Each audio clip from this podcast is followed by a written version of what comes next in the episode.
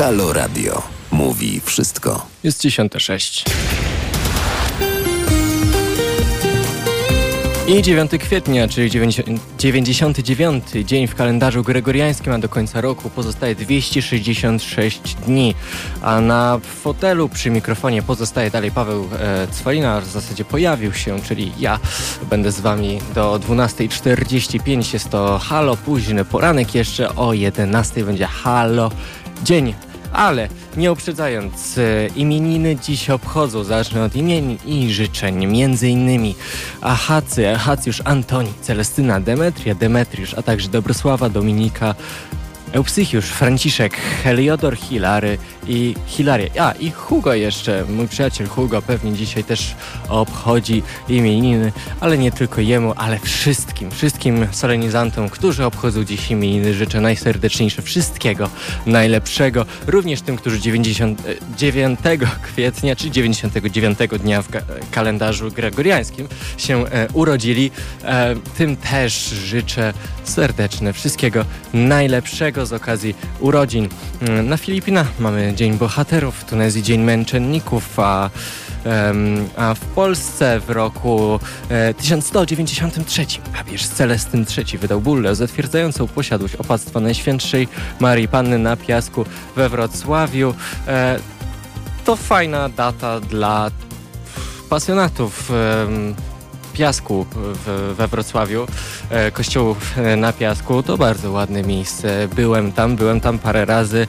E, pięknie tam jest, bardzo dużo zakochanych par tam jest, no ale ja byłem tam sam, niestety, wtedy. Mm, w 1941 roku Niemcy utworzyli getto żydowskie w Częstochowie. W 2010 roku Sejm RP przyjął ustawę o służbie więziennej.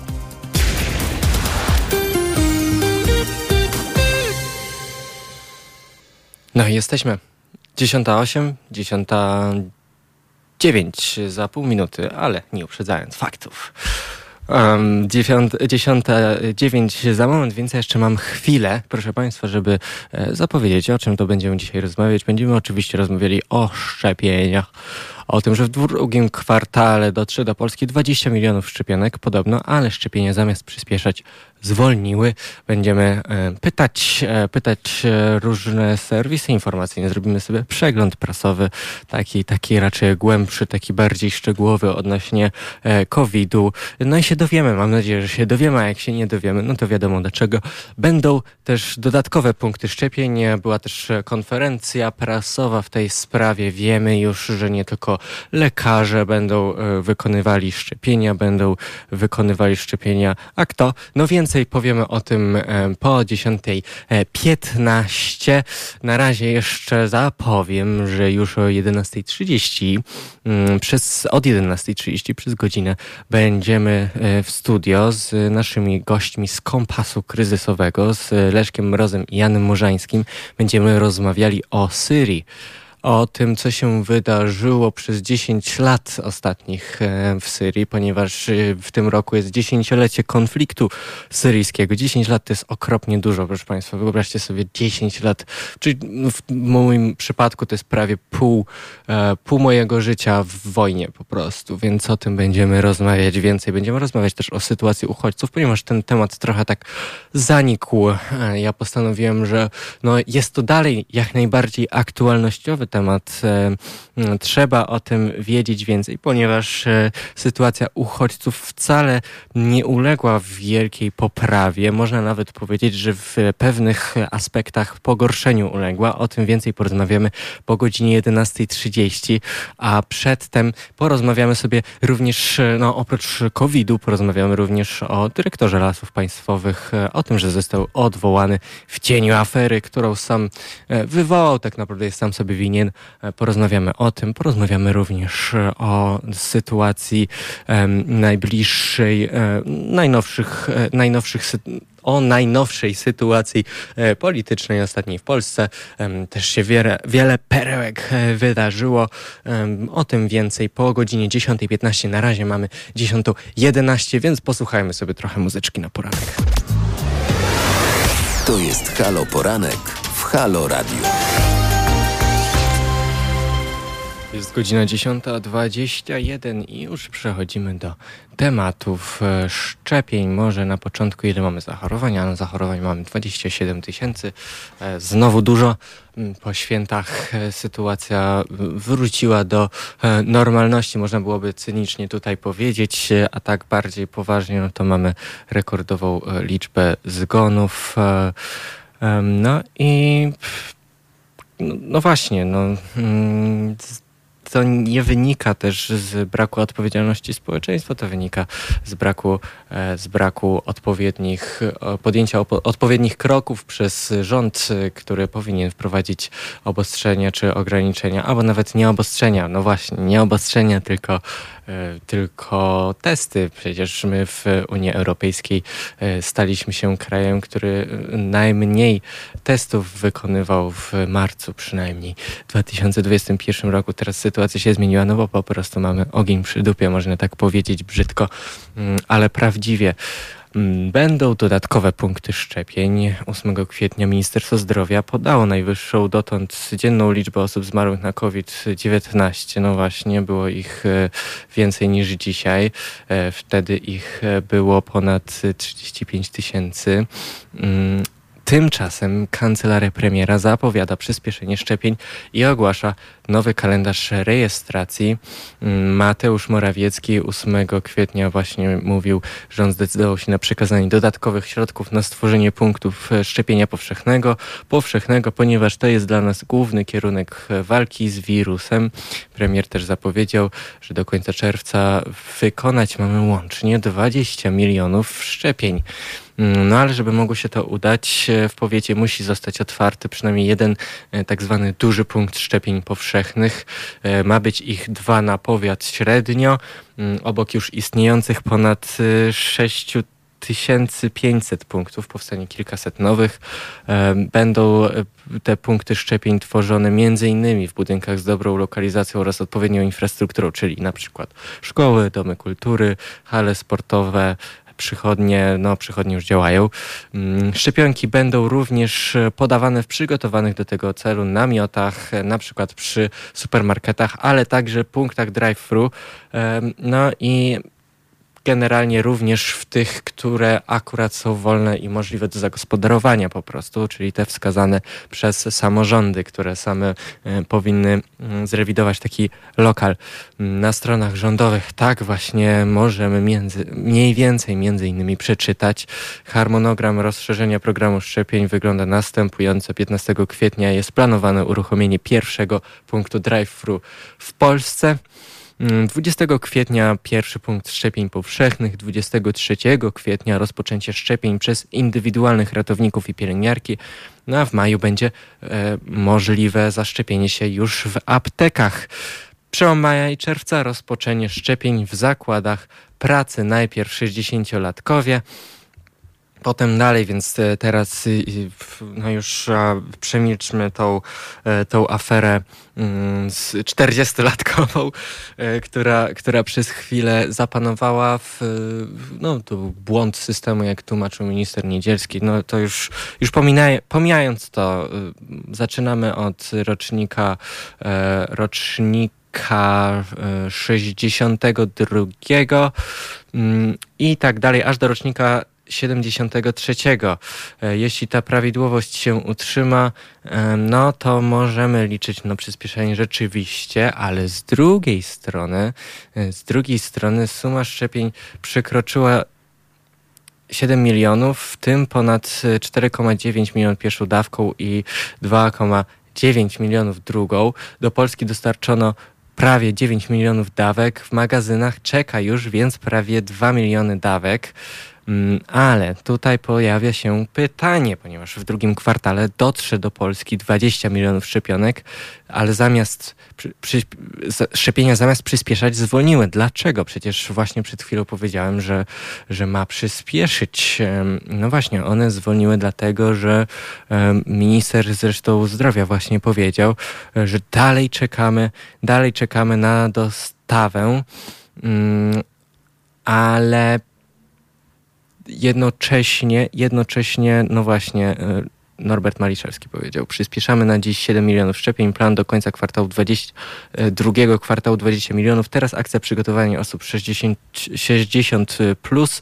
Od poniedziałku start zapisów kolejny dróg. No właśnie, e, grup. No właśnie, można się zapisywać, ale trudno się połapać w liczbach, e, które są podawane. E, tak, e, tak pisze również, e, tak zauważa Oko Press. Wszystko wskazuje na to, że do Polski no jednak trafi te 20 milionów. Ile dokładnie nie wiadomo, mm, ale w Skierniewicach odpowiedzialny za program szczepień szef kancelarii premiera Michał Dworczyk i Morawiecki poinformowali, że w kwietniu trafi do, Polsku, do Polski na pewno 5,5 miliona dawek, a prawdopodobnie 7, a jeżeli zostaną potwierdzone wszystkie dostawy, wstępne zapowiedzi na maj to 9 milionów e, dawek. Jednocześnie premier wystąpił w czwartek 8 kwietnia w hali sportowej w Skierniewicach i tam e, urządzono masowy punkt szczepień. Zapowiedział wtedy, że szczepienia ruszą z kopyta.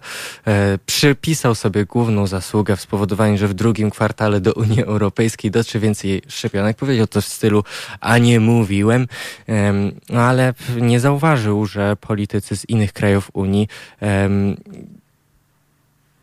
również odczuwali społeczną presję na przyspieszenie szczepień i um, i przekazali swoje opinie szefowej Komisji Europejskiej Ursuli von der Leyen, czyli, czyli szefowej, która stoi za pomysłem skoordynowanych unijnych e, zakupów, jak czytamy na Twitterze oficjalnym Prawa i Sprawiedliwości. E, premier Mateusz Morawiecki w Skierniewicach powiedział, zdecydowaliśmy się zwiększyć naszą przepustkowość, przepustowość co do szczepień.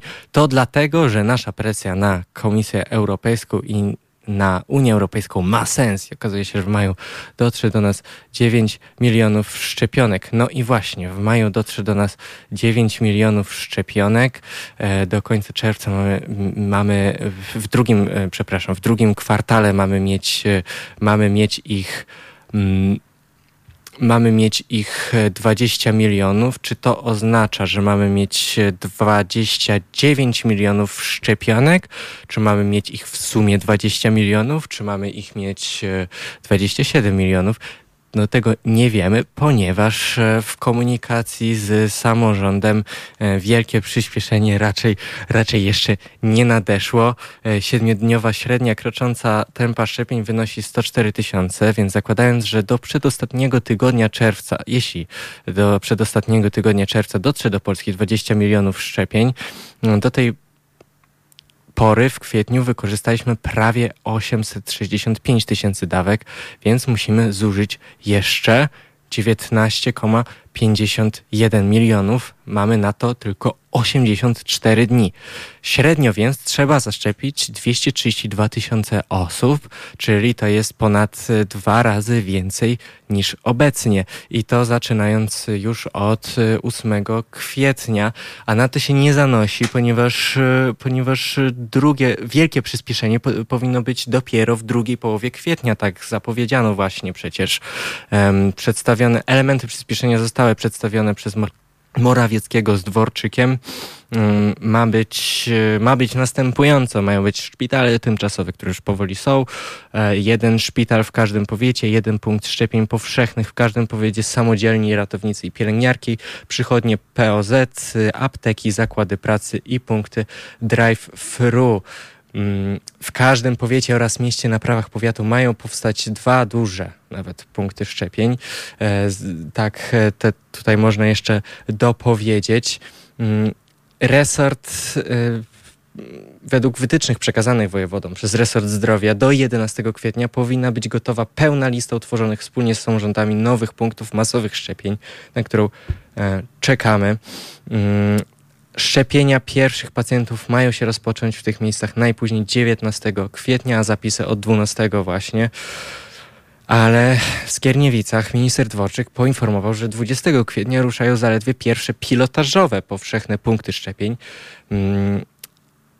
Wiceprezydent Warszawy Renata Kaznowska to y, usłyszała o tym, usłyszała pierwszy raz, o tym też powiedziała. Y, z rozmów ze stroną rządowych, w których Kaznowska uczestniczy, wynikało, że należy się przygotowywać na otworzenie wszystkich samorządowych punktów 19 kwietnia. Warszawa na to jest y, gotowa, a tymczasem minister Dworczyk tłumaczył, że pilotaż będzie obejmował od kilku do kilkudziesięciu punktów, których otwarcie będzie uzależnione od dostaw szczepionek. No i powiedział, do, dosłownie kilkadziesiąt godzin temu słyszeliśmy, że Astra zmniejszy kolejną planowaną dostawę. To oczywiście ma związek z wątpliwościami wokół szczepionki AstraZeneca.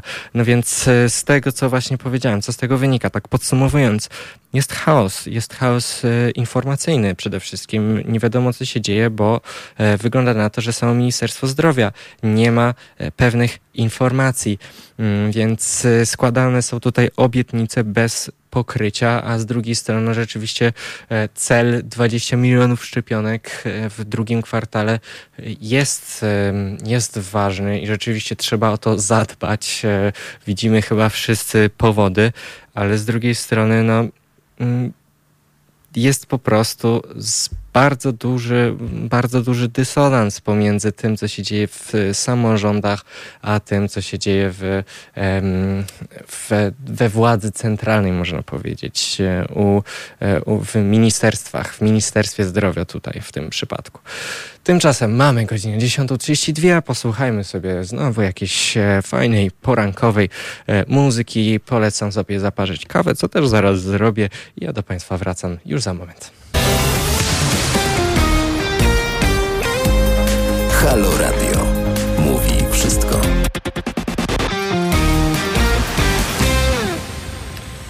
Brytyjczycy w poniedziałek osiągną odporność zbiorową. E, odpowiedzialność zbiorowa też została osiągnięta. To wynika jedno z drugiego. Populacja w Wielkiej Brytanii w najbliższy poniedziałek osiągnie odporność zbiorową przeciw koronawirusowi. Tak wyliczyli naukowcy z University College London. Dokładnie 73,4% e, taką, na, takiej, na takim poziomie będzie e, już w poniedziałek naturalna odporność e, mieszkańców, mieszkańców UK. To będzie już 12 kwietnia. Jest to punkt, w którym społeczność uzyskuje odporność zbiorową, czyli wytworzona jest wystarczająca odporność, by zmusić wirusa do wycofania się. To jest jak reakcja łańcuchowa, tak powiedział stacji Sky News profesor Carl Freeston z UCL. To jest reakcja łańcuchowa. Jeśli usunie się możliwość przenoszenia wirusa przez jedną osobę na więcej niż jedną, następną wtedy on wymrze. Powiedział też, że jest to ważny kamień milowy, który jest odzwierciedleniem faktu, że sprawy idą zgodnie z planem. To sugeruje, że jest mało prawdopodobne, aby po lecie lub jesienią nastąpił gwałtowny wzrost liczby ofiar śmiertelnych lub hospitalizacji. Podkreślił też, że osiągnięcie odporności zbiorowej nie powinno być powodem szybszego znoszenia restrykcji restrykcji. A tymczasem, tymczasem właśnie mm, minister Dworczyk e, powiedział, że mm, no, mówił o, ewentualnych, o ewentualnym luzowaniu, mm, ale, ale przepraszam, Adam Niedzielski, minister y, Dworczyk chciałem powiedzieć, y, Adam Niedzielski, minister zdrowia, dopuszcza regionalizowanie luzowania obostrzeń. To właśnie chciałem zakomunikować. W porannej rozmowie w RMFFN się pojawił. Tłumaczył to zróżnicowaniem sytuacji epidemicznej między województwami. Powiedział, że sytuacja się ku temu skłania. To są różne strategie różnych państw. No w UK też, też w zasadzie obostrzenia były regionalizowane mm, w pewnym sensie. No oczywiście nie mówiąc tu o Londynie, bo najczęściej, najczęściej myślimy jednak o, o większych miastach, no ale przecież w małych, w małych ośrodkach miejskich, nawet w małych, w małych skupiskach ludności pandemia wcale, wcale aż tak niekoniecznie szaleje, chociaż to też zależy. To też zależy, powiedział e, Adam Niedzielski. W gruncie rzeczy teraz głównym wyznacznikiem podejmowania decyzji nie jest nawet poziom zachorowań, ale sytuacja w szpitalach i dostępność respiratorów. To główny element, który różnicuje regiony. Są regiony, które same sobie nie radzą i pomagają im sąsiednie województwa. Podkreślił również, że odmienna sytuacja epidemiczna jest przesłanką za tym, żeby właśnie regionalizować znoszenie obostrzeń. Mm, powiedział, widać, że województwo warmińsko-mazurskie, które było w pierwszej kolejności, tak jak pan redaktor powiedział, tutaj zwrot do redaktora RMF-u, obejmowane obostrzeniami, teraz ma sytuację zdecydowanie najlepszą w kraju razem z województwem podlaskim. Mm, w momencie, w którym został zapytany, czy w tych regionach nie można zdjąć obostrzeń na przedszkole i żłobki, powiedział, na, tej chwil, na tą chwilę, na tę chwilę absolutnie nie.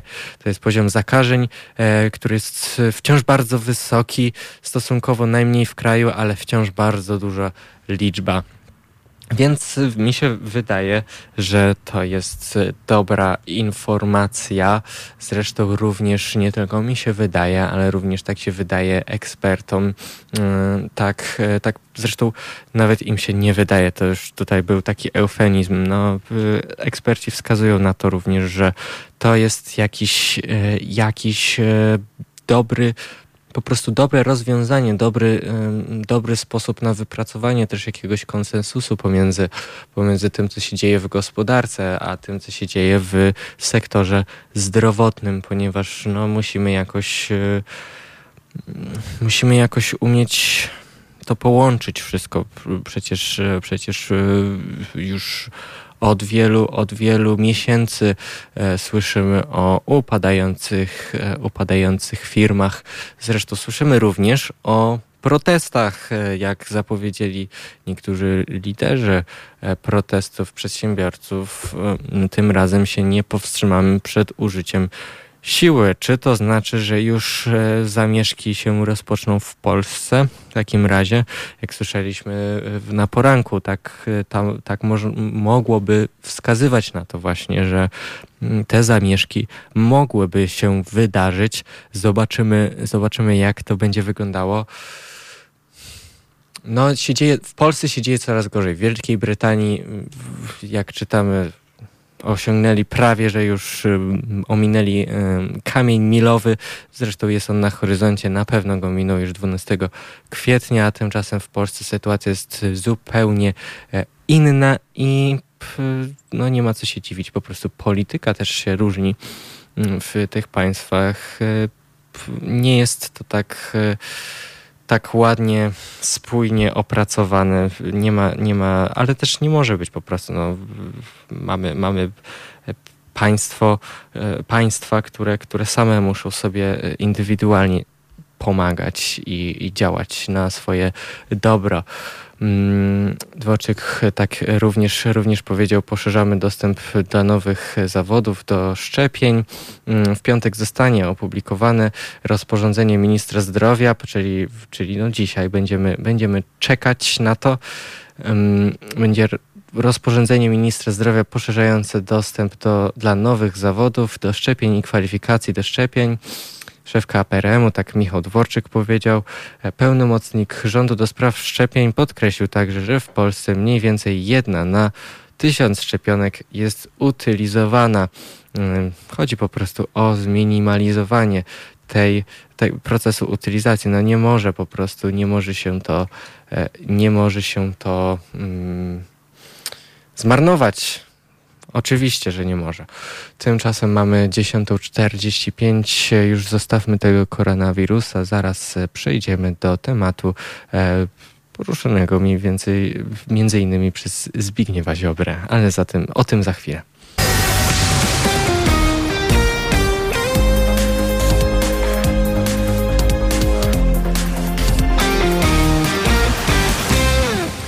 10.49, już za 10, prawie za 10 minut wiadomości. Mm, ja jeszcze tylko powiem o tych, o tych zawodach, które, które mają również e, uzyskać prawo do szczepień, e, więc wymieniam. Oprócz lekarza będzie to jeszcze lekarz stomatolog, felczer, pielęgniarka, położna, ratownik medyczny, diagnosta laboratoryjny, farmaceuta, fizjoterapeuta i studenci 5 i 6 roku kierunku lekarskiego i trzeciego roku studiów pierwszego stopnia pielęgniarskich pod opieką opieką lekarza. No więc e, to ma pomóc w przyspieszeniu e, szczepień. Rzeczywiście jest to dalej personel medyczny, który, no, jakby nie patrzeć, e, wie. Wie, mm, wie co jest pięć, można tak powiedzieć e, potocznie, wie o co chodzi. Mm, I, I nie powinniśmy się obawiać na pewno braku kompetencji.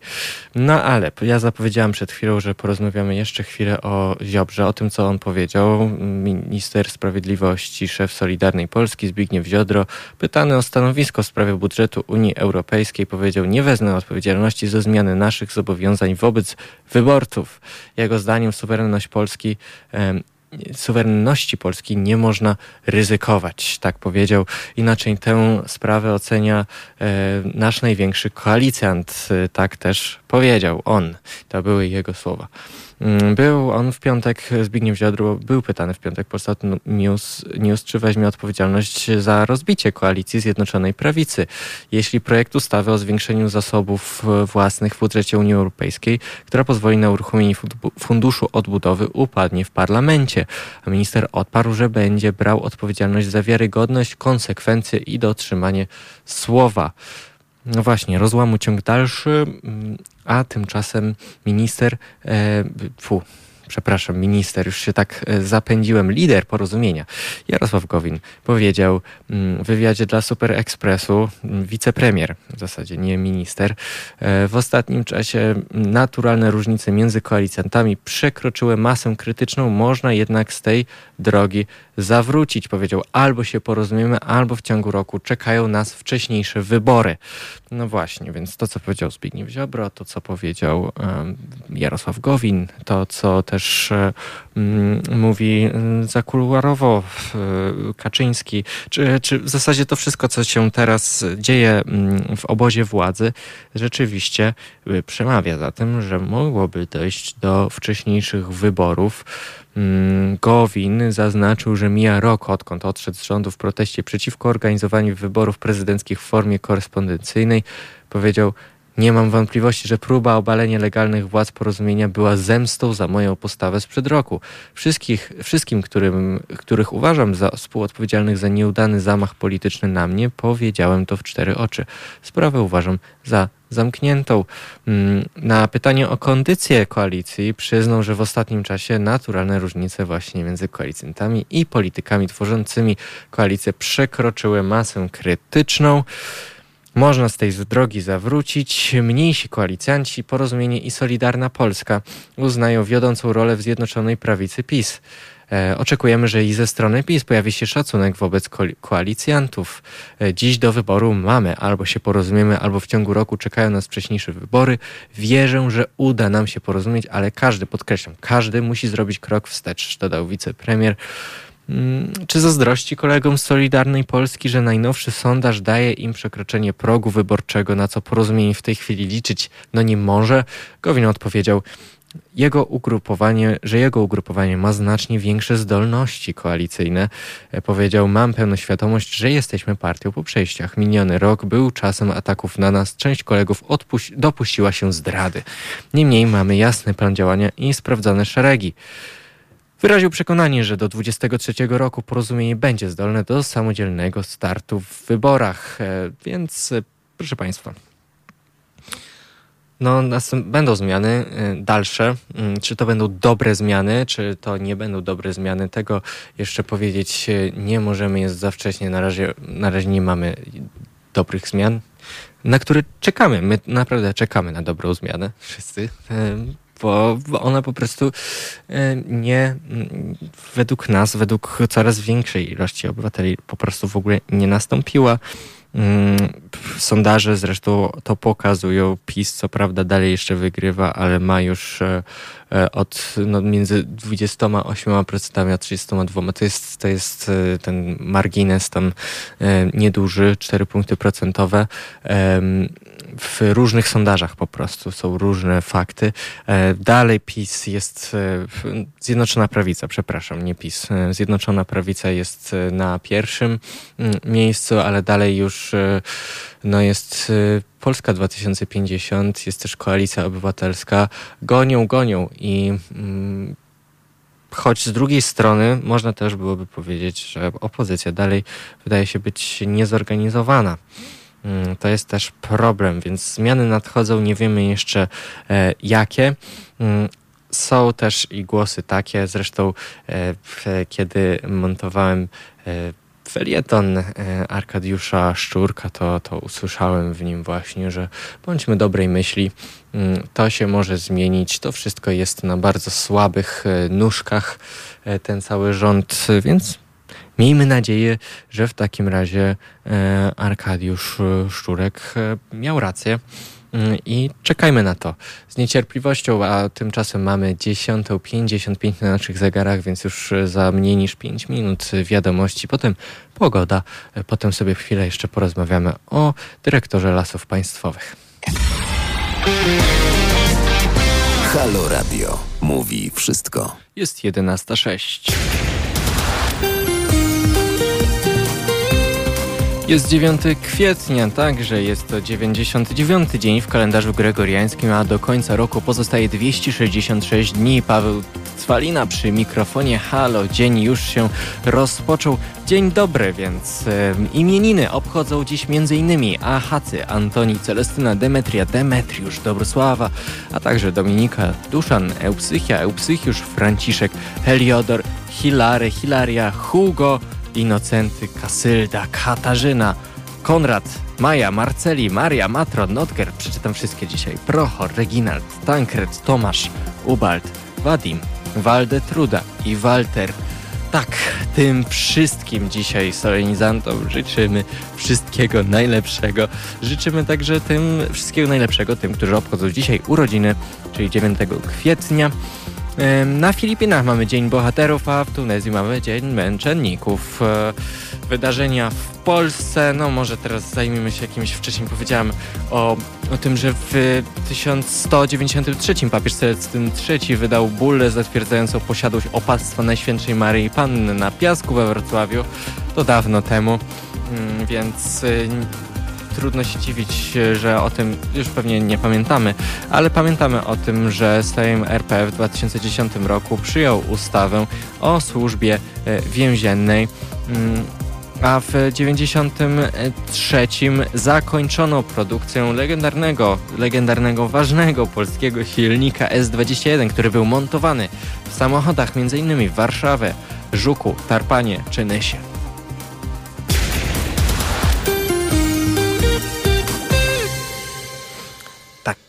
Warszawa, Żuk, Tarpan i Nysa, te samochody już y, nie jeżdżą raczej na naszych ulic, ulicach. Piękne auta, ale też y, nawet wtedy były bardzo, bardzo, bardzo stare, no wyobraźcie sobie Państwo, w 93 roku Warszawa, no ja wiem, no większość albo część z Was, duża część na pewno z Was słuchaczy pewnie to pamięta. Ja niestety mogę sobie to tylko wyobrażać, jestem po prostu za młody na takie, na takie wspomnienia, niestety. Teraz mamy, mamy już coraz więcej samochodów, na przykład elektrycznych, co też jest raczej wydaje mi się, że dobrą informacją, w, patrząc na sytuację ekologiczną. Ale jeszcze o czym, o czym porozmawiamy, bo o ekologii dzisiaj nie będziemy e, dużo rozmawiać, będziemy więcej rozmawiać po prostu, no inaczej, no ten temat zakrawa o ekologię, e, ale bardziej tutaj jednak chodzi o politykę. Porozmawiamy za moment, zrobimy sobie przegląd informacji na temat e, nowych dyrektorów las potencjalnych dyrektorów lasów państwowych, ponieważ dyrektor lasów państwowych obecny, no już nie, już były właśnie, e, stał się byłym. Andrzej Konieczny stał się byłym już dyrektorem generalnym lasów państwowych, więc czekamy na kolejne nominacje i za moment porozmawiamy o tym e, więcej. Do 11, do 11.25 teoretycznie będę o tym mówił, bo już potem porozmawiamy sobie też o Syrii, o, zrobimy aktualizację informacji na temat konfliktu syryjskiego, zrobimy sobie przegląd mm, na temat sytuacji trudnej, bardzo dalej, bardzo trudnej sytuacji w Syrii. O, też e, porozmawiamy o uchodźcach. E, już o 11.30 moimi gośćmi w studiu, będą z nami w studio Leszek Mróz Jan, Morza, i Jan Morzański z Kompasu Kryzysowego. No właśnie, temat rozmowy to Syria po 10 latach oraz sytuacja uchodźców, ale więcej o tym o 11.30, a już zaraz y, porozmawiamy sobie więcej o lasach państwowych.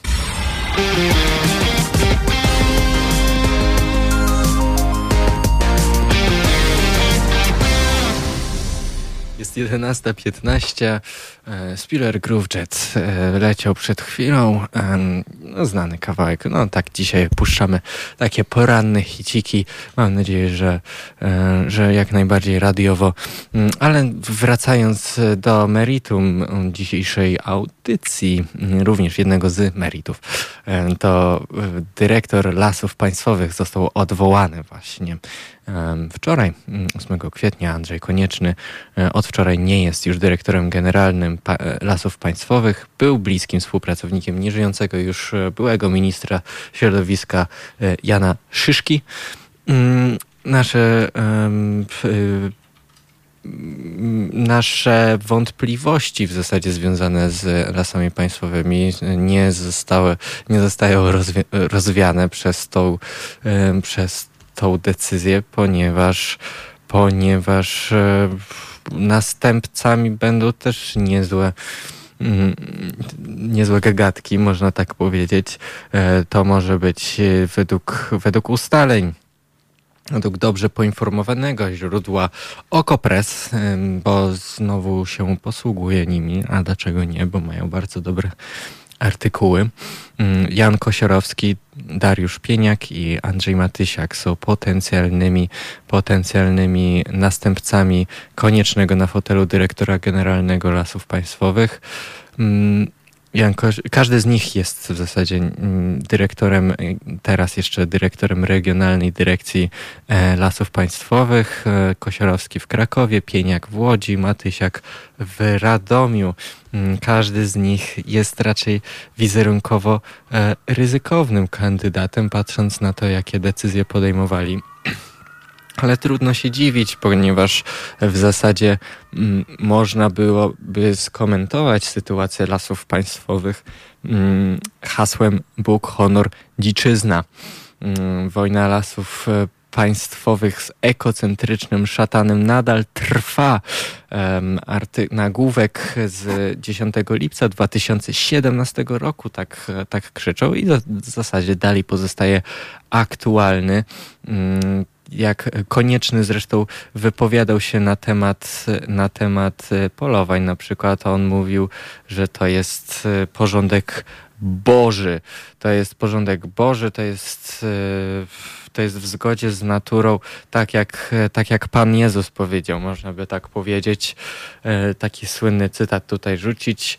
No ale właśnie, wróćmy też do faktów. Dziś został odwołany dyrektor generalny Lasów Państwowych Andrzej Konieczny. Dziękuję panu dyrektorowi za wieloletnią pracę na rzecz polskich lasów. Tak napisał na Twitterze 8 kwietnia mm, Edward Siarka, wiceminister klimatu i środowiska oraz pełnomocnik rządu do spraw leśnictwa, leśnictwa i łowiectwa. Dlaczego został odwołany? No... Nie mamy oficjalnej odpowiedzi. Ta, ta decyzja została, zresztą zgodnie z prawem, może tak być, e, została, została pozostawiona bez komentarza. Były już szef lasów państwowych, jak wiemy, kupił od swojej własnej firmy z 95% bonifikatą posiadłość o powierzchni 110 metrów kwadratowych w miejscowości Pomorze na Podlasiu. Zapłacił za nią zaledwie e, niecałe 9,5 tysiąca złotych e, i przepisał nieruchomość dla syna. Mówiłem o tym też e, parę dni temu mm, na audycji mm, tutaj w radiu. No i no w takim razie, jeśli mamy tą, e, tą decyzję nieoprawioną żadnym komentarzem ze strony, ze strony Ministerstwa Środowiska, e, to możemy, to możemy w zasadzie się domyślać tutaj jak najbardziej, że najprawdopodobniej e, właśnie ta decyzja. Hmm, ta decyzja kupna od własnej firmy, właśnie z tą 95% bonifikatą nieruchomości, e, no, stała się gwoździem do trumny dyrektora, byłego dyrektora generalnego Andrzeja Koniecznego. No i właśnie maluje się podstawowe pytanie, kto będzie następcą. Mm, oprócz Kosiorowskiego, Pieniaka, Matysiaka, również nazwisko Arkadiusza Wojciechowicza, dyrektora Regionalnej Dyrekcji Lasów Państwowych we Wrocławiu, też się przewija. Mm, no ale właśnie porozmawiamy trochę o tych e, kandydatach kandydatach. Postaram się o nich e, trochę powiedzieć. Mamy jeszcze 5 minut na to, więc e, szybko, szybko już przechodzę. No i mamy Jan Kosiorowski. Kim jest ten Jan Kosiorowski? Jest to dyrektor Regionalnej Dyrekcji LP w Krakowie.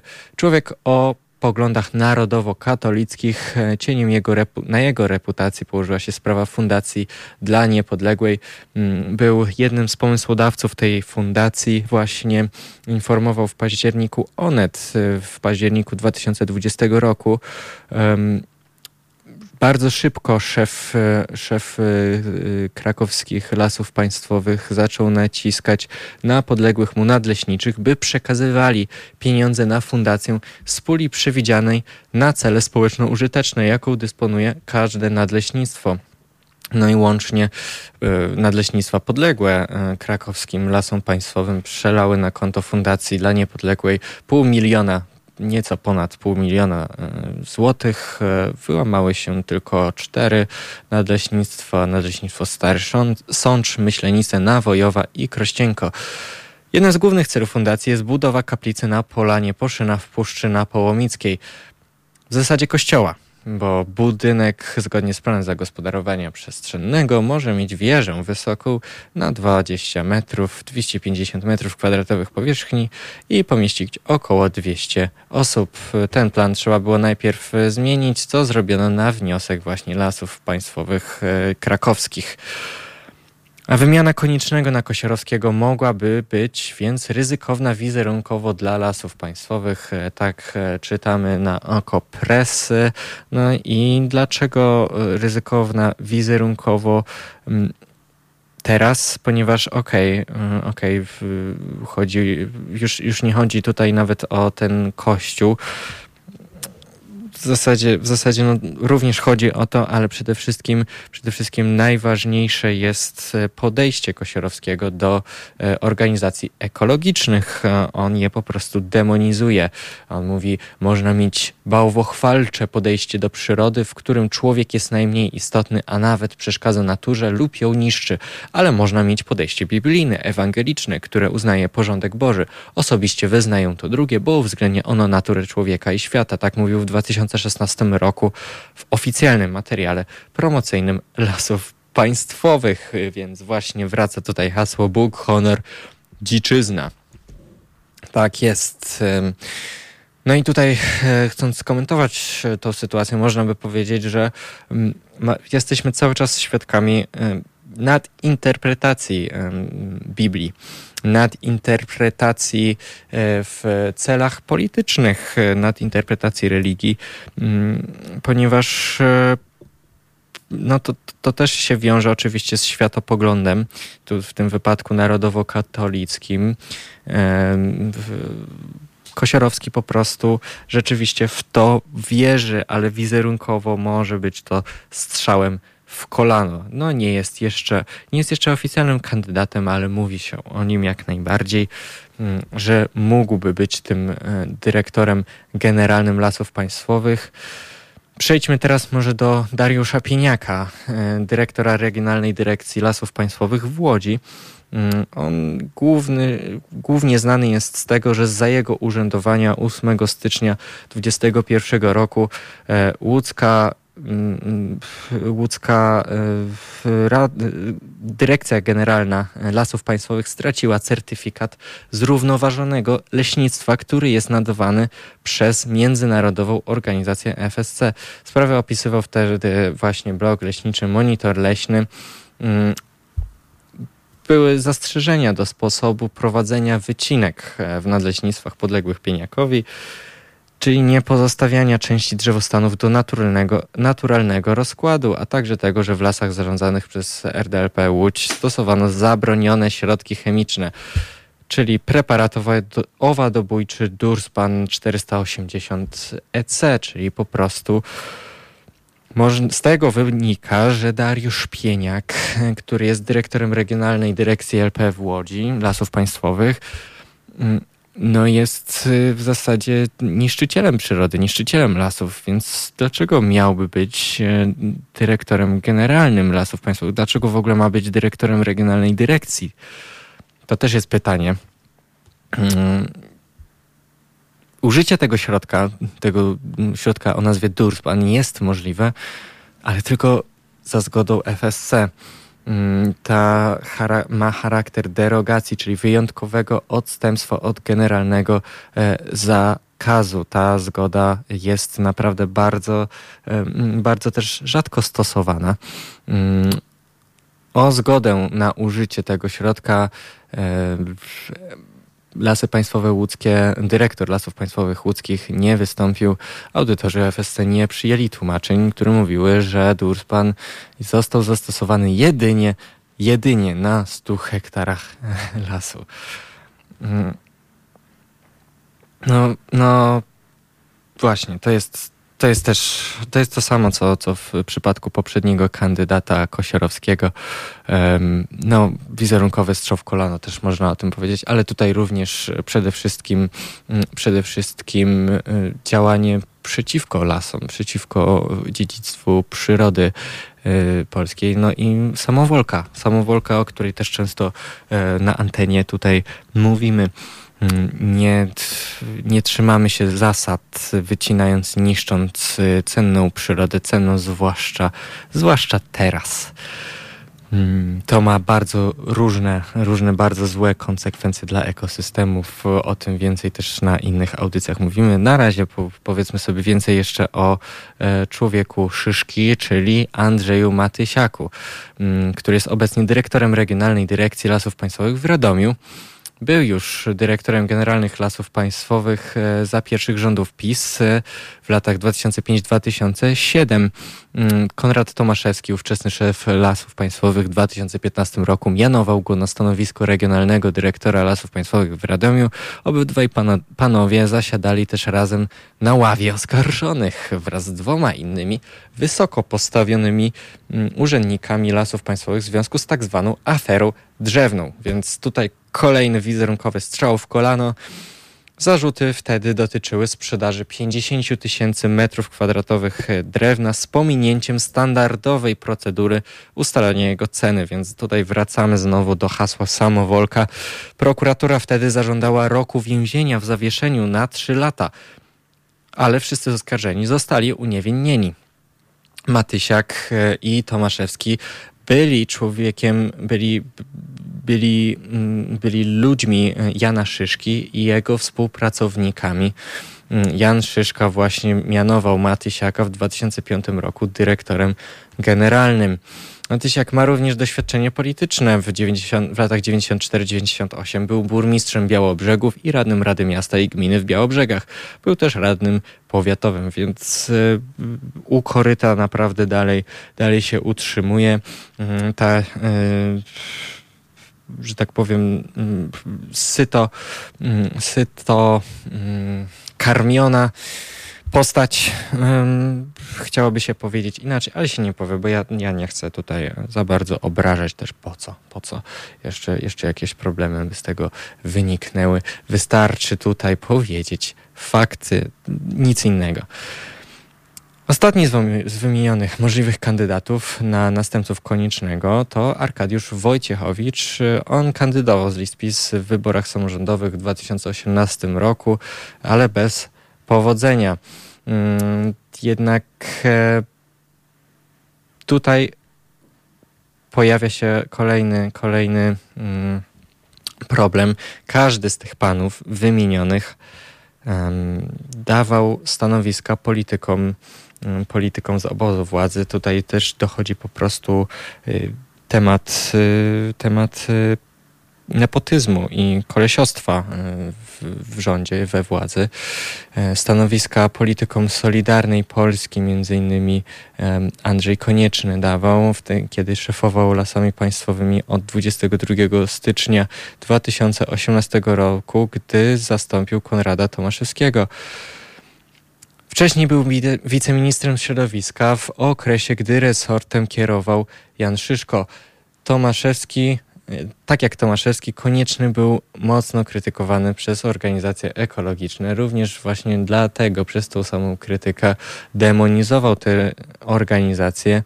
Mm, podjął kilka decyzji, które wzbudziły duże kontrowersje. Wśród nich należy wymienić również zmiany na stanowiskach regionalnych dyrektorów lasów państwowych wiosną 2020 roku. Józef Jan Kubica i Ewa Jedlikowska to są politycy Solidarnej Polski, macierzystej formacji Michała Wosia, który wtedy był ministrem właśnie środowiska. Jedlikowska była dyrektorką zaledwie jeden dzień. Okazało się, że nie spełniła wymogów na to stanowisko. W zasadzie to jest też praktycznie niemożliwe, e, żeby konieczny o tym nie wiedział. Mm, zwłaszcza, zwłaszcza w zasadzie, jeśli e, Jedlikowska była tą dyrektorką tylko przez jeden dzień. W takim razie ta sprawa bardzo szybko mm, wyszła na jaw. E, wtedy właśnie fotel dyrektorski w Szczecinku dostał Łukasz Maciejunas. Wcześniej on był związany z Białostocką Regionalną Dyrektor, Dyrekcją, gdzie był komentantem posterunku Straży Leśnej. On zasłynął z brutalnego pacyfikowania blokad nielegalnych wycinek w Puszczy Białowieskiej, o którym e, o tych wycinkach też mówiliśmy. Do nich doszło w okresie od wiosny do późnej jesieni 2017 roku.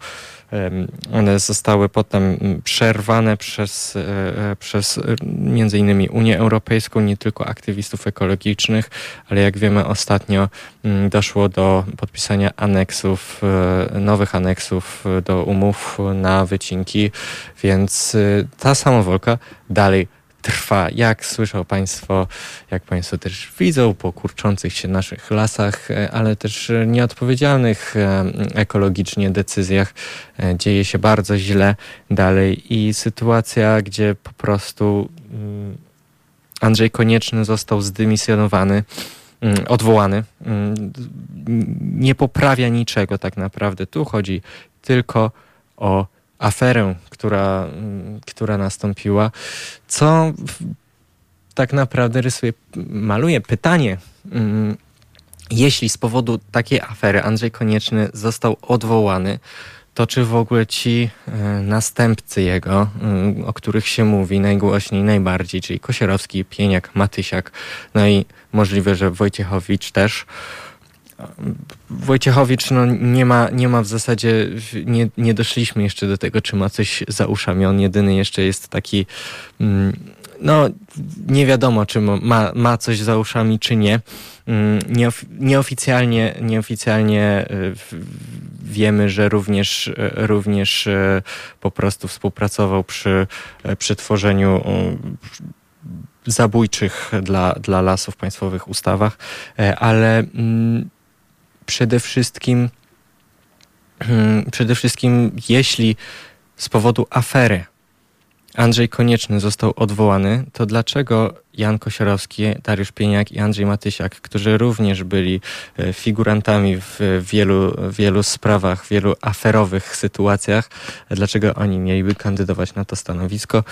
To pytanie pozostaje na razie e, bez odpowiedzi. Na pewno będziemy je jeszcze, będziemy się temu tematowi przyglądać. Możemy się też niedługo spodziewać e, nowej e, nominacji. Mm, będziemy obserwować. Tymczasem mamy 11.33. Już za moment w naszym studio pojawił się Leszek Mróz, Jan Murzański z Kompasu Kryzysowego. Będziemy rozmawiali tym razem o Syrii.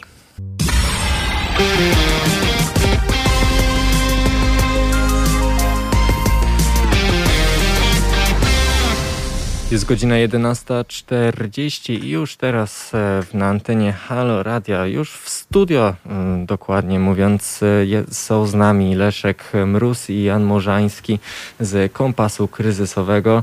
Będziemy rozmawiali o sytuacji w Syrii, ale nie tylko w Syrii w zasadzie, bo, bo ten temat jest, jest bardzo złożony, tak jak już zdążyliśmy sobie powiedzieć na poza anteniu. Seria po 10 latach, jak to wygląda, jak to wygląda teraz i dlaczego, dlaczego to trwa tak długo w ogóle? To takie zadam pytanie na początek może, otwierające. Um, mówisz, e, to jest strasznie, strasznie skomplikowany kryzys mm. i myślę, że ciężko jest to e, określić w taki bardzo, bardzo prosty sposób, dlaczego to trwa 10 lat. Um, trwa 10 lat dlatego, że sytuacja nie jest w żaden sposób przesądzona, nigdy nie była i jest bardzo skomplikowana i to się bardzo rozkłada. Mm. I trwa to, i trwa to, i tak naprawdę nie widzimy, żeby faktycznie po tych 10 latach to nie jest tak, że mija 10 lat i mówimy, dobra, mm. to może już teraz no jest tak. lepiej, tylko nie jesteśmy nawet w połowie prawdopodobnie. Mm. Nie jesteśmy nawet w połowie, a 4 na 5 mieszkańców Syrii żyje poniżej progu ubóstwa. 15 e, mhm. milionów nie posiada stabilnego dostępu do wody pitnej. 40% społeczeństwa doświadcza niepewności e, żywieniowej, niepełności też tak samo, można tak powiedzieć. E, ponad 5,5, 5,5 milionów uchodźców, duża część z nich, no właśnie, wraca. Co to oznacza? Mm. Dlaczego wracają? Dlaczego wracają? Bo to jest ich ojczyzna, to jest mhm. tam, gdzie się urodzili i zostali. E, myślę, że oni najbardziej o tym pamiętają, dlatego że e, zostali stamtąd w pewien sposób wykurzeni i musieli stamtąd uciekać po prostu. I myślę, że nie da się opuścić mhm. własnego państwa, własnej ojczyzny tak po prostu. E, I to jest duża tra tragedia dla nas jako ludzi patrzących na to, można powiedzieć, z góry, ale też dla nich, mhm. dla nich właściwie głównie. Sytuacja e, jest w zasadzie w tym momencie opisywana rzadko już w, w mass mediach, mhm. się raczej o tym nie mówi, e, ale mm, jeśli się mówi, to mówi się o tym również po prostu w kontekście rządów Asada, a jak wiemy, no, każdy konflikt, mhm. tak duży konflikt ma swoje źródło w historii dużo, dużo dalej. Jakbyśmy mogli właśnie tak pokrótce um, powiedzieć, jakie mogłyby być czynniki również te społeczno-ekonomiczne, polityczne e, czy historyczne też, które się przyczyniły do rozwoju tego konfliktu? Mhm.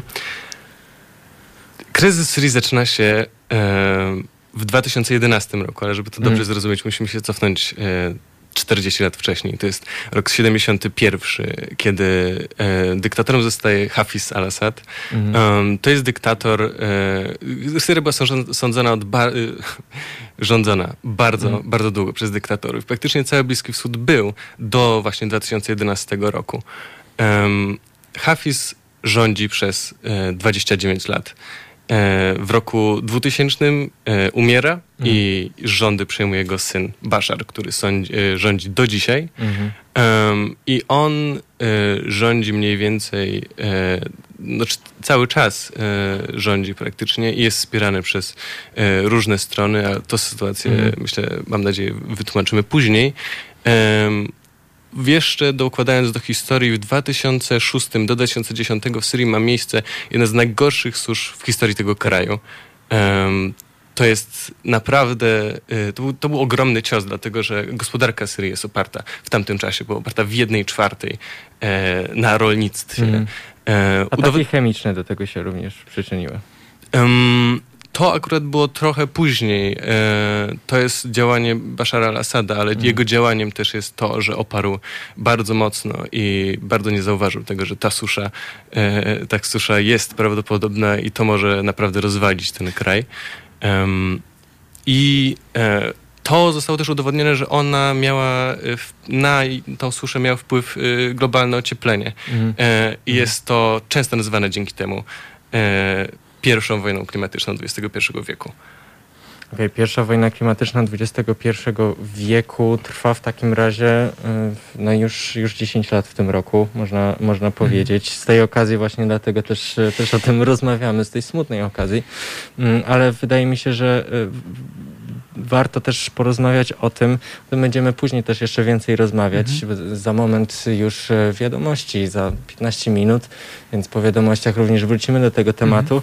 Mhm. Ale mm, powiedzcie, jak, jak maluje się w takim razie sytuacja uchodźców? Przecież my, my nie wiemy o tym, e, nie znamy żadnych szerzej, nieznane są tak naprawdę liczby, to znaczy można je sobie wklepać oczywiście, sprawdzić w internecie, mhm. ale w, jako, że posiłkujemy się tym, co jest na tacy podane, to, to nie wiemy, e, mhm. czy fala uchodźców, tak zwana fala uchodźców dalej e, napływa, E, czy nie.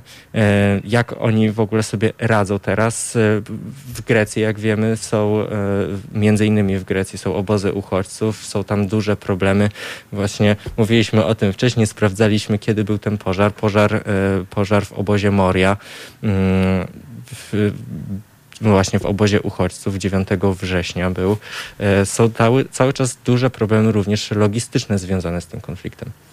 Wiesz co, jeśli chodzi o liczby, to generalnie główny problem jest taki, że wszystkie liczby, jakie podają czy organizacje humanitarne, czy no de facto potem to, to się bierze właśnie do organizacji humanitarnych, mhm. są bardzo mocno zaniżone, dlatego że no tak jak mamy właśnie liczbę ofiar w Syrii i to jest coś koło właśnie 380-90 tysięcy, mhm. ale to są wszystko ofiary udokumentowane i oprócz tego jest druga liczba, 200 bodajże 5 tysięcy i to są osoby, które są uznane za zaginione albo martwe, więc de facto mówiąc właśnie o jakichkolwiek liczbach, mamy jedną liczbę oficjalną, czyli te 380-90 tysięcy, mm. ale z drugiej strony prawdopodobnie jest tak, że tych ofiar w sumie jest ponad 600 tysięcy. Mm. Ponad 600 tysięcy ofiar i nie ma to w zasadzie końca, bo, bo powiedziałeś, e, e, że e, powiedzieliście, że, że tak naprawdę jesteśmy przed, przed połową. Co to znaczy? Dlaczego przed połową? Co, co to oznacza? Mm, Dlatego że, dlatego, że ten kryzys trwa e, od 2011 roku podczas arabskiej wiosny, czyli takiej serii protestów, e, która miała miejsce na całym Bliskim Wschodzie. Wszystko to rozkładało się, wszyscy ci ludzie, oni są potwornie zmęczeni tym aktualnie. Mm. I w związku z tym, że e, duży wpływ na to mają e, siły USA, które w zależności od prezydenta mają różne podejście tak. do tego, e, to ciężko jest przeważyć i tak naprawdę realnie realnie pomagać tam i próbować jakoś stabilizować tą sytuację, ponieważ jedynym stałym graczem w tym momencie jest Rosja. No właśnie, stałym graczem jest Rosja. Dlaczego, dlaczego Rosja w ogóle mm, tak bardzo się angażuje w ten, e, w ten konflikt? Czy można, czy można w takim razie e, powiedzieć, że to jest kolejna e, taka XXI-wieczna w tym momencie już wojna zastępcza? Tak, zdecydowanie. Znaczy Syria jest mm, bardzo, że tak powiem, wyraźnym mm, przykładem wojny zastępczej i co Rosja zyskuje? No jak się można spodziewać, Rosja wspiera rząd, a w zamian za to ma umowę z rządem o wydobywaniu ropy. Mm. I dostaje, że tak powiem, za wsparcie logistyczne i, i posiłkowe dostaje mm, prawo do wydobycia ropy, a Syria de facto opiera, znaczy cała, cała pozycja Syrii wśród innych państw Bliskiego Wschodu opiera się na, mm. na pozycji oraz na, na, no, na ropie. Czyli, czyli na zyskach, więc to jest, to jest wojna znowu o pieniądze. Jak nie wiadomo o co chodzi, to chodzi o pieniądze. Tak, tak ludzie e, zwykli mówić i zwykli powtarzać. Ja też powtórzę. Mm, I w takim razie do tematu wróćmy e, za e, chwil kilka. Jest godzina 11.49. Po wiadomościach wracamy. Halo Radio. 105.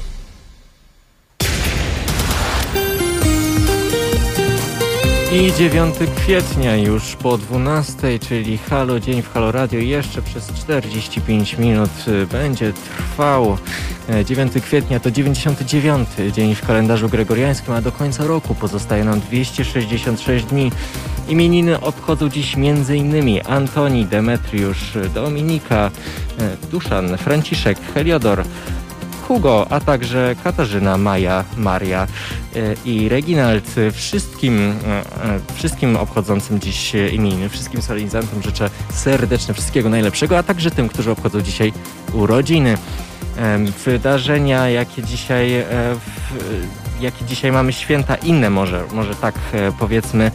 No, na Filipinach Dzień Bohaterów, a w Tunezji mamy Dzień Męczenników.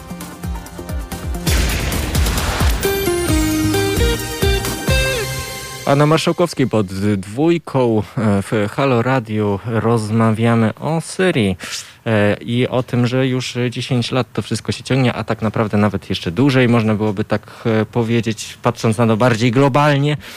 Moim i Państwa, przede wszystkim moimi i Państwa gośćmi na antenie Halo Radio są Leszek Mrus i Jan Morzański z Kompasu Kryzysowego.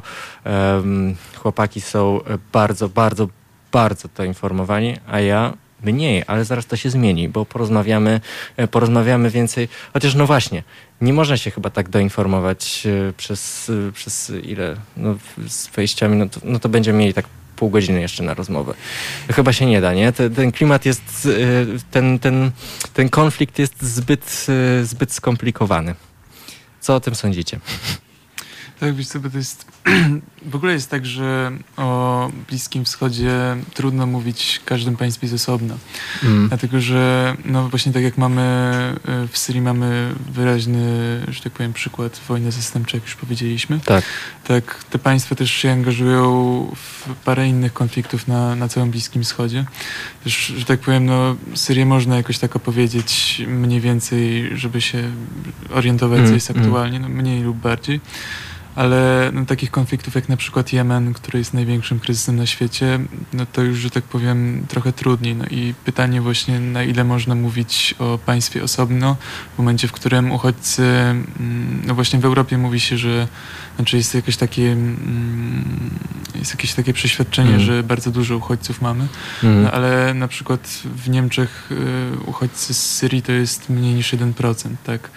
A... Wiele z nich się odbiło, czyli mhm. pocałowało klamkę, można tak powiedzieć. Tak, naprawdę. tak to prawda, ale no, no, trzeba jakby zauważyć, że większość uchodźców e, nie podróżuje do Europy przez Morze Śródziemne, tylko przychodzi przez granicę do mhm. państw mhm. obok, które tak. też nie mają najlepszej sytuacji. Infrastruktury żadnej nie ma. Tak, to prawda. Znaczy, my jesteśmy jakoś w stanie ich przyjąć mniej lub bardziej, ale no, niektóre państwa, do których, że tak powiem, idą dlatego, że są blisko i jest łatwo się przydostać, nie mają w ogóle takiej możliwości. O tym, o uchodźcach, o konflikcie właśnie w Syrii, ale też o po prostu efektach e, tego, tego konfliktu, które dotykają nas wszystkich tak naprawdę. To jest konflikt, no właśnie, jako że to jest wojna zastępcza, to jest to również pewien rodzaj konfliktu globalnego. E, o tym też, jakie państwa są zaangażowane, e, o tym, dlaczego wszyscy myślą, że jest dużo uchodźców, a jest ich tak naprawdę mało. Porozmawiamy już za moment. Na naszych zegarach jest prawie 12.10, a dokładnie 12.09, ale posłuchajmy sobie jakiejś e, muzyki e, na chwilę, żeby wziąć chwilę oddechu e, i zaraz wracamy. Halo Radio. Mówi wszystko. Kompas kryzysowy Jan Morzański i Leszek Mróz są moim i Państwa gośćmi na antenie Halo Radio. My już przejdźmy w takim razie szybcikiem do e, tematu e, Syrii, e, który jest bardzo rozległy i na pewno nie uda nam się poruszyć wszystkiego dokładnie tak, jakbyśmy chcieli i powinniśmy, ale już przechodząc, pierwsze pytanie się maluje, o co w ogóle, no o co chodzi w tym konflikcie, to już wcześniej tam trochę napomknęliśmy. Jakby ktoś chciał, to może sobie jeszcze sprawdzić. My, my bardziej się skupimy dzisiaj na temacie uchodźców, ale zanim do tego przyjdziemy, może właśnie, jakie państwa głównie są zaangażowane w ten konflikt syryjski, jako że jest to problem globalny? Mm, w kontekście bardzo globalnym e, to jest e, Stany Zjednoczone i Rosja, e, mhm. które wspierają w zależności od tego, to też jest bardzo skomplikowane, ale wspierają, Rosja wspiera siły rządowe, czyli tego byłego mhm. dyktatora, aktualnego, to też jest skomplikowane, mhm. dyktatora oraz USA, które wspiera, e, wspiera rebeliantów oraz siły kurdyjskie. Kurdowie to jest taki e, lud e, żyjący, e, żyjący głównie na północnym wschodzie Syrii. To nawet nie jest mniejszość etniczna, to jest, to jest duża, duża część. Znaczy to jest największy, że tak powiem, naród bez państwa, można by powiedzieć, tak, na Bliskim tak. Wschodzie. Tak. Represjonowany od wielu lat. Tak, tak, zdecydowanie. Tak, i dzięki tak naprawdę tej wojnie oni mają pierwszą e, możliwość i stworzyli własne autonomiczne państwo mhm. w Syrii, które nie jest w żaden sposób uznane, ale powiedzmy mają taką namiastkę, e, której nie mieli wcześniej. E, tak, wracając... Mhm. Tak, mamy USA, które wspiera rebeliantów oraz Kurdów, którzy walczą z rządem. Wszyscy generalnie już walczą z rządem. E, istnieją też oczywiście aktualnie już e, raczej w mniejszości dużej siły państwa islamskiego. Mhm. I to są tak w takim globalnym poziomie. Dalej mamy państwa, które są dookoła i one są zwykle podzielone głównie na takie strefy wpływu muzułmańskich, dwóch szyickich i mhm. sunnickich wyznań, które z kolei walczą i wysyłają swoje wojska do Syrii. Także mamy takie dwa jakby kręgi, które się zacieśniają i mają między sobą różne relacje i generalnie wkładają wszystkie swoje mhm. siły, żeby przepchnąć swoją opcję, nazwijmy to w Syrii.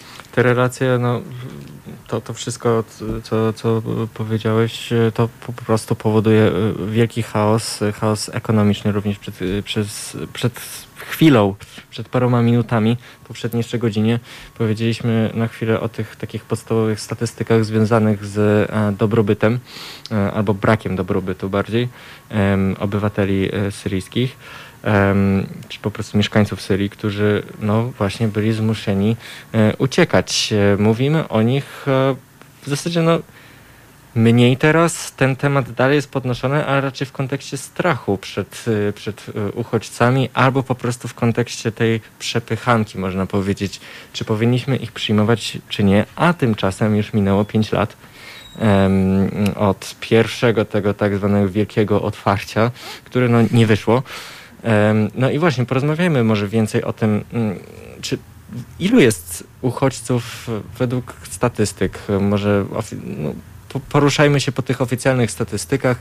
Według tych oficjalnych statystyk, ile jest e, uchodźców rzeczywiście w Europie?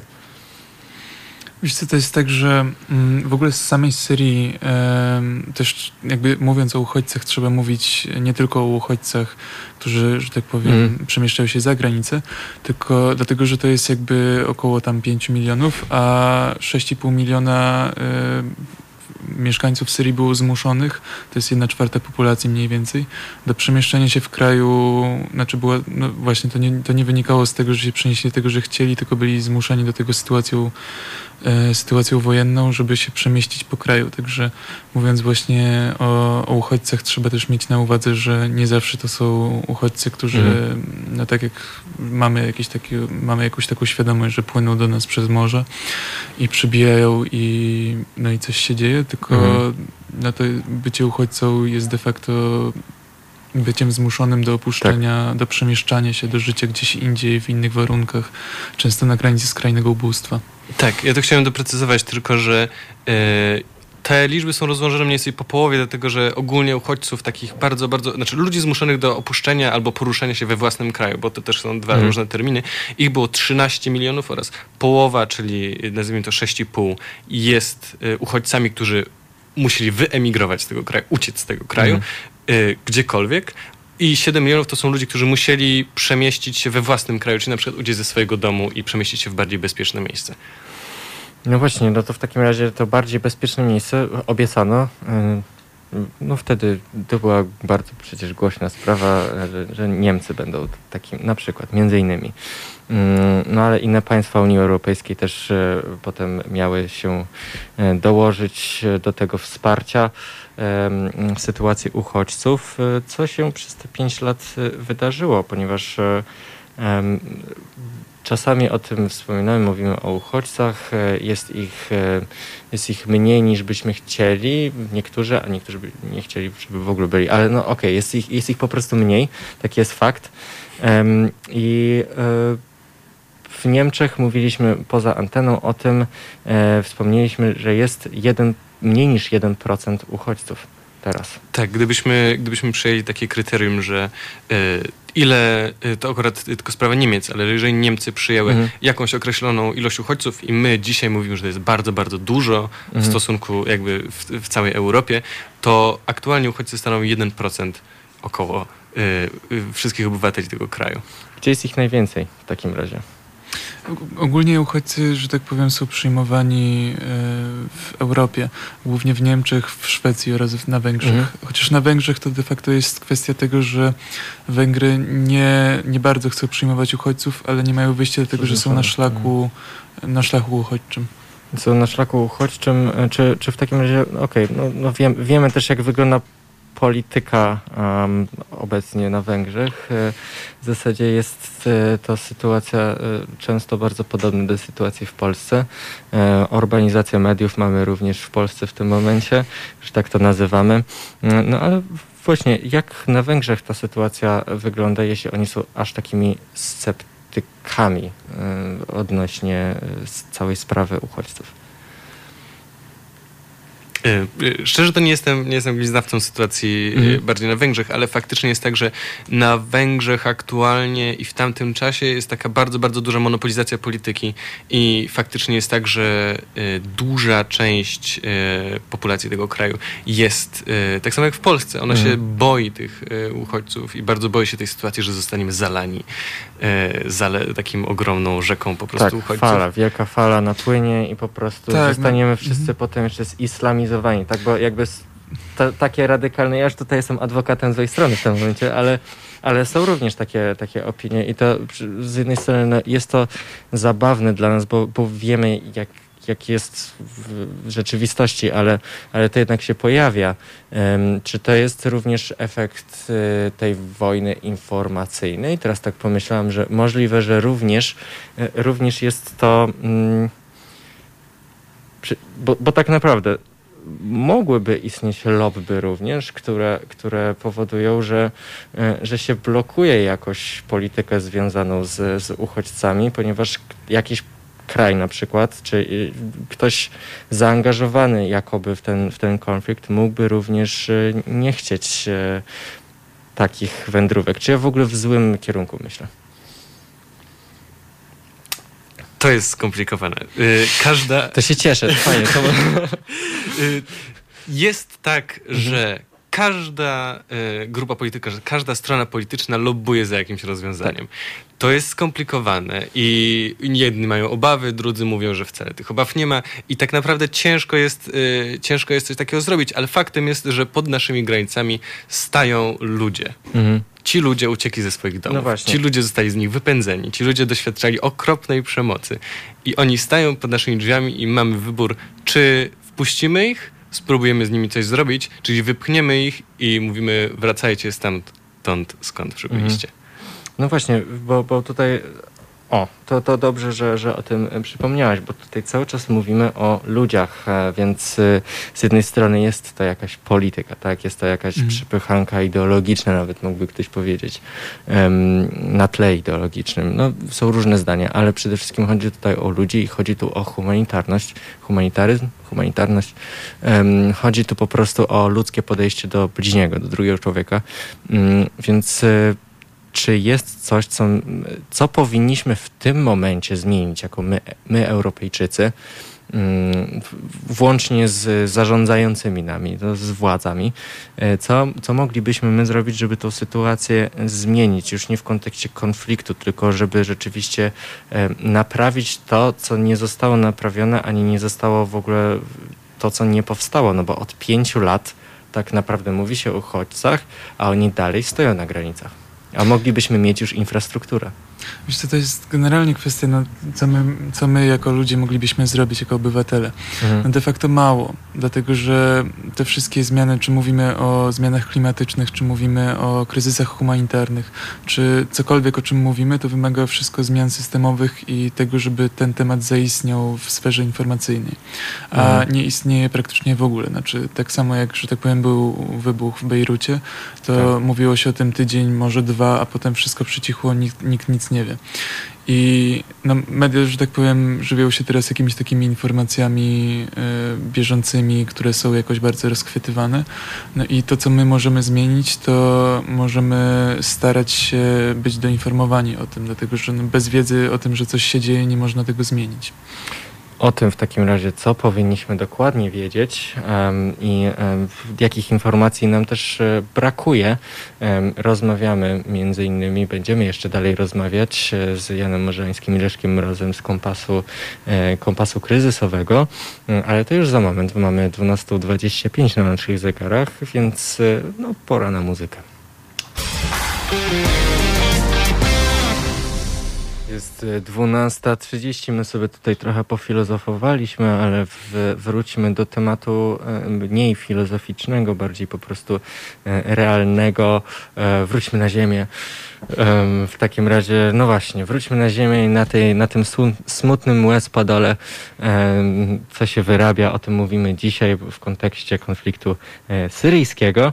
Mm, i konfliktu e, związanego z konfliktu uchodźczego, można to tak nazwać? Tak, konfliktu uchodźczego e, również. E, w takim razie tylko znowu powiem, przypomnę, że moim i państwa, moimi i państwa gości gośćmi na antenie Hanoradia są Jan Morzyński i i przepraszam. Leszek Mus. I Leszek Mus.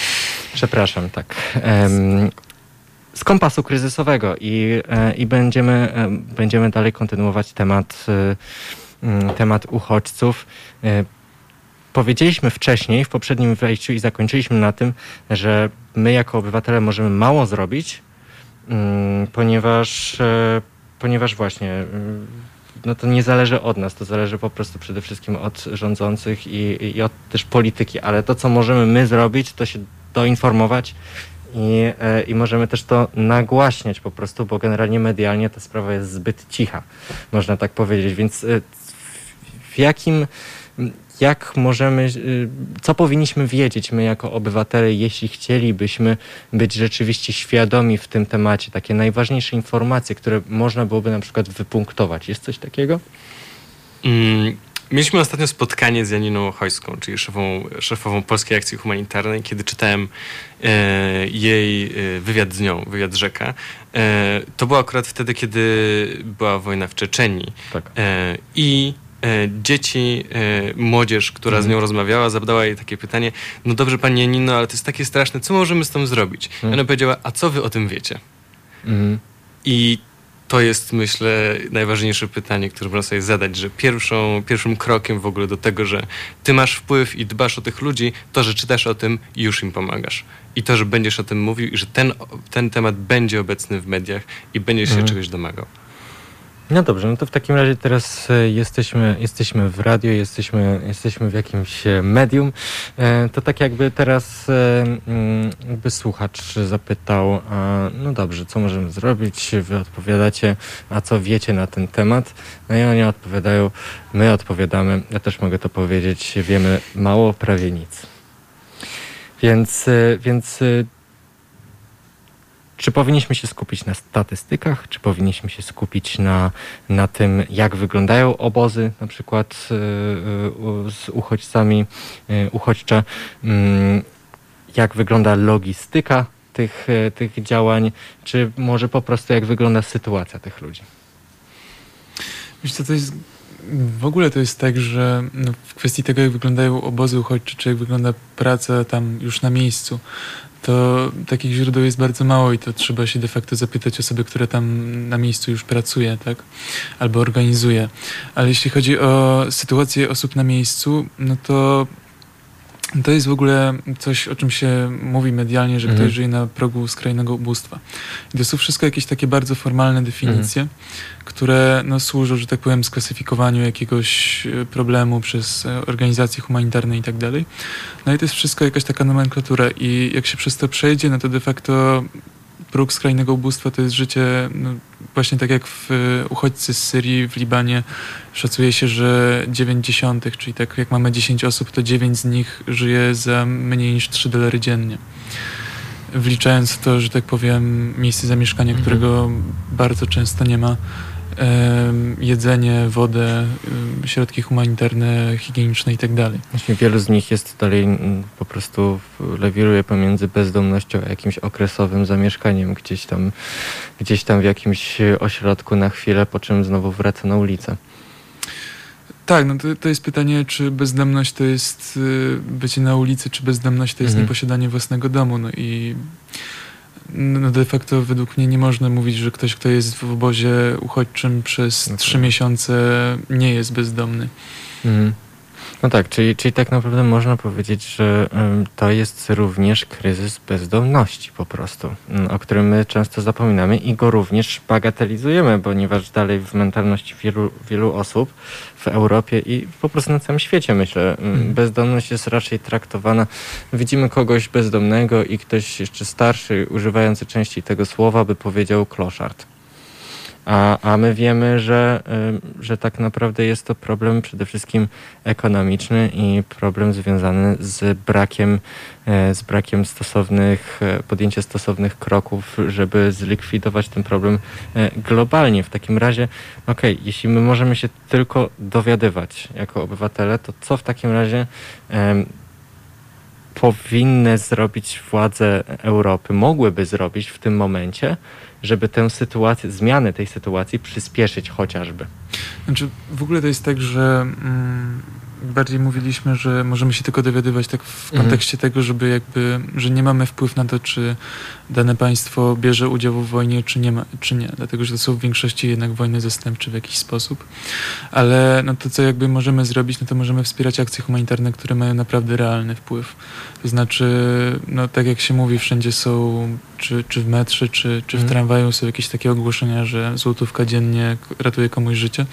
To faktycznie jest tak, że jakby organizacje humanitarne mają realny wpływ na to, co się tam dzieje i wspieranie ich jest wspieraniem bardzo bezpośrednio osób y, potrzebujących. Mhm. Jakie to są organizacje, które możemy, mm, takie najważniejsze, największe, które najłatwiej znaleźć i jeśli na przykład jesteśmy ludźmi zajętymi, e, tak już po mhm. prostu nie mamy, nie mamy na przykład czasu, żeby wyszukiwać te wszystkie informacje, ale wiemy, że warto już pomóc, jesteśmy już do tego mhm. przekonani, to do kogo możemy się zgłosić, e, jakie są te, te organizacje takie które rzeczywiście najbardziej się tym zajmują. Takie najbardziej rozpoznawalne to myślę, że tak powiem, nawet większość słuchaczy kojarzy jest z Polski mm. Czerwony Krzyż. E, no i jest Polska Akcja Humanitarna. No i to są takie, że tak powiem, sztandarowe organizacje humanitarne w Polsce, mm. które są obecne nawet w świadomości, że tak powiem, każdej osoby. Czyli po prostu tu chodzi znowu o uświadamianie, o, o, o, uświadamianie, więc cieszę się w takim razie, że Jan Murzański, Leszek Mróz z e, kompanii, z, tak, z kompasu kryzysowego, kompanii chciałem powiedzieć, z, e, z kompasu kryzysowego pojawili się e, dzisiaj u nas w radiu, u mnie na audycji. To jest Halo Dzień w Halo Radiu. Już niedługo niestety e, kończymy tę audycję. Dziękuję Wam bardzo za, e, za przybycie. E, Dziękuję. Ja mam nadzieję, że, że, że jeszcze się spotkamy na antenie tutaj, bo tematów jest dużo więcej. Zresztą nie poruszyliśmy wszystkiego, a zwłaszcza wydaje mi się, ja mam takie odczucie tak na koniec, że mm, jeśli odpowiedzią na ważne pytanie jest nie możemy zbyt wiele zrobić, to znaczy, że gdzieś po drodze wydarzył się błąd, który uniemożliwił nam e, działanie. E, jest to możliwe, że jest to sytuacja polityczna. Różne, różne mogą być aspekty tego, ale wydaje mi się, że właśnie dlatego też powinniśmy więcej rozmawiać o tym. Więc cieszę się, że, e, że, że przyszliście. Ja tymczasem e, już powoli się z Państwem e, będę e, żegnał. Ja tylko zapowiem i podziękuję przede wszystkim naszym, naszym stałym słuchaczom za wspieranie Halo Radia. Mm, dziękujemy pani Hannie ze Świebołydzic, pani Elizie z Mielca, panu Wojciechowi z Lublina, pani Sylwii z Gdańska, panu Ziemowitowi z Piotrkowa Trybunalskiego, Trybunalskiego, panu Andrzejowi ze panu Leszkowi ze Staszewa, panu Jackowi z Warszawy, pani Ewie z Oleśnicy i pani Alinie z Olsztyna. Nie zapominajcie o nas, tak jak my pamiętamy o Was, ilekroć siadamy przed mikrofonem. Dziękujemy za stałe wspieranie finansowe Halo Radia, która nie kłania się władzy ani nie schlebia opozycji. To jest nasz wspólny projekt www.zrzutka.pl ukośnik Halo Radio. Możecie tam zawsze wbić, możecie tam mm, zawsze nas wesprzeć. E, my się będziemy zawsze starać, żeby mm, informować o również o tych, e, o tych e, sytuacjach, o których się nie mówi w mass mediach, ponieważ takie jest zadanie wolnych mediów, więc będziemy zawsze się tym kierunku starać a już za moment na antenie Halo Radia mm, posłuchamy sobie trochę, trochę muzyki, potem, potem mm, już Halo Aktualności o godzinie 15 z mm, redaktorem naczelnym Mariuszem Rokosem, na co serdecznie e, zapraszam. Mm, a jeszcze felietony, przeczytam może jakie dzisiaj e, felietony będą w planie. Już o 9.50 był proszę Państwa, felieton Sylwii Grygorczyk-Abram, o 12.50 felieton sędziego Igora Tulei, o 14.50 felieton profesor Magdaleny Środy. Mm, I tak, tak, się wygląda, tak wygląda dzisiejsza rozkładówka felietonowa, więc już za moment, już za niecałe 10 minut również Igor Tuleja, tak jak co tydzień się pojawi u nas. Dziękuję Wam bardzo jeszcze raz. E, kompas e, kryzysowy mm, dzisiaj, dzisiaj zagościł na antenie Halo Radio w Halo Dniu e, i będziemy na pewno wracać do tych tematów. Tymczasem jest godzina 12.41, więc ja się z Państwem żegnam. Mm, Paweł Cwalina przy mikrofonie był mm, i, i będzie jeszcze Halo Kultura w w weekend czy w poniedziałek, no jeszcze nie wiemy. Będzie, będzie na pewno zmiana w rozkładówce, ale Halo Kultura nie znika e, z rozkładu jazdy naszego radiowego, więc na pewno na Halo Kulturze jeszcze się spotkamy. Dzięki.